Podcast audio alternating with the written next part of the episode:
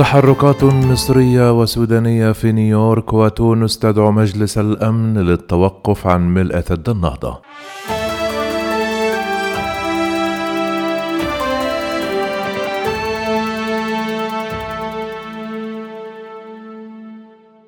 أجرى وزير الخارجية المصري سامح شكري الثلاثاء مجموعة من المقابلات المكثفة في إطار الإعداد والتحضير للجلسة المقبلة لمجلس الأمن بشأن قضية سد النهضة الأثيوبي المقرر عقدها الخميس. التقى شكري المندوبين الدائمين لكل من روسيا والصين فضلا عن المندوبين الدائمين للولايات المتحدة وبريطانيا وفرنسا وكذلك مجموعة تركيا للاتحاد الأفريقي المكونة من الكونغو الديمقراطية وجنوب إفريقيا والسنغال صرح المتحدث الرسمي باسم وزارة الخارجية أن شكري استعرض خلال هذه اللقاءات أبعاد الموقف المصري تجاه قضية سد النهضة حيث أبرز انخراط مصر بجدية في المفاوضات على مدار عقد كامل بهدف التوصل لاتفاق قانوني ملزم حول ملء وتشغيل السد الذي يراعي مصالح الدول الثلاث. شدد شكري على ما تمثله قضية سد النهضة من أهمية قصوى في ضوء مساسها بمقدرات الشعب المصري. وأضاف المتحدث باسم وزارة الخارجية أن الوزير سامح شكري أكد خلال المفاوضات على ضرورة اطلاع مجلس الأمن بمسؤولياته في هذا الصدد ومساندة جهود حلحلة المفاوضات المتعثرة والدفع من أجل التوصل إلى اتفاق عادل ومتوازن وملزم قانونا ويحقق مصالح الدول الثلاث.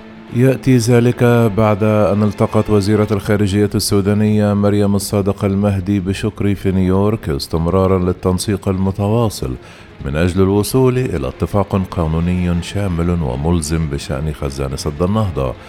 وفي السياق تسلمت وزارة الري والموارد المائية السودانية خطابا من نظيرتها الأثيوبية تخطرها فيه ببدء الملء الثاني لسد النهضة خلال موسم الأمطار الحالي مشددا على أن هذا الإخطار غير ذي جدوى ما لم يتم التوافق والاتفاق بشأن الملء وتشغيل السد.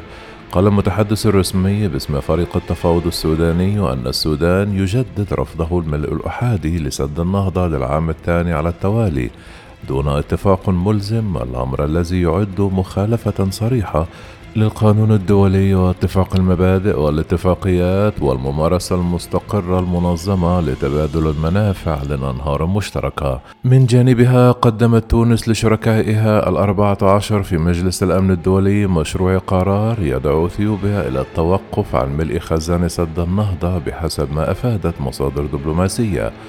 وينص مشروع القرار الذي اطلعت عليه وكالة فرانس بريس أن مجلس الأمن يطلب كل من مصر والسودان وإثيوبيا استئناف مفاوضاتهم بناء على طلب كل من رئيس الاتحاد الإفريقي والأمين العام للأمم المتحدة لكي يتوصلوا في غضون ستة أشهر إلى نص اتفاقية ملزمة لملء السد وإدارته. ووفقا لمشروع القرار فإن هذه الاتفاقية الملزمة يجب أن تضمن قدرة إثيوبيا على إنتاج الطاقة الكهرومائية من سد النهضة وفي الوقت نفسه تحول دون إلحاق أضرار كبيرة بالأمن المائي لدولتي المصب. كما يدعو مجلس الأمن في مشروع القرار الدول الثلاث إلى الامتناع عن أي إعلان أو إجراء من المحتمل أن يعرض عملية التفاوض للخطر ويحض في الوقت نفسه إثيوبيا على الامتناع عن الاستمرار من جانب واحد في ملء خزان سد النهضة. عن الموقف الأمريكي ذكرت وزارة الخارجية الأمريكية أن قيام إثيوبيا بملء خزان سد النهضة. سيزيد التوتر على الأرجح وحثت جميع الأطراف على الإحجام عن التحركات الأحادية إزاء السد. وقال المتحدث باسم الوزارة نيد برايس أن الولايات المتحدة تدعو جميع الأطراف إلى الالتزام بحل يتم التوصل إليه عن طريق التفاوض. وقال إن الحلول لهذه القضية تحتاج إلى الاسترشاد بأمثلة ونماذج بحلول توصل إليها آخرون يتقاسمون ممرات مائية وأنهارا وهذا يستند إلى مبدأ الاستخدام المنصف والمعقول والالتزام بعدم التسبب في ضرر ذي شأن.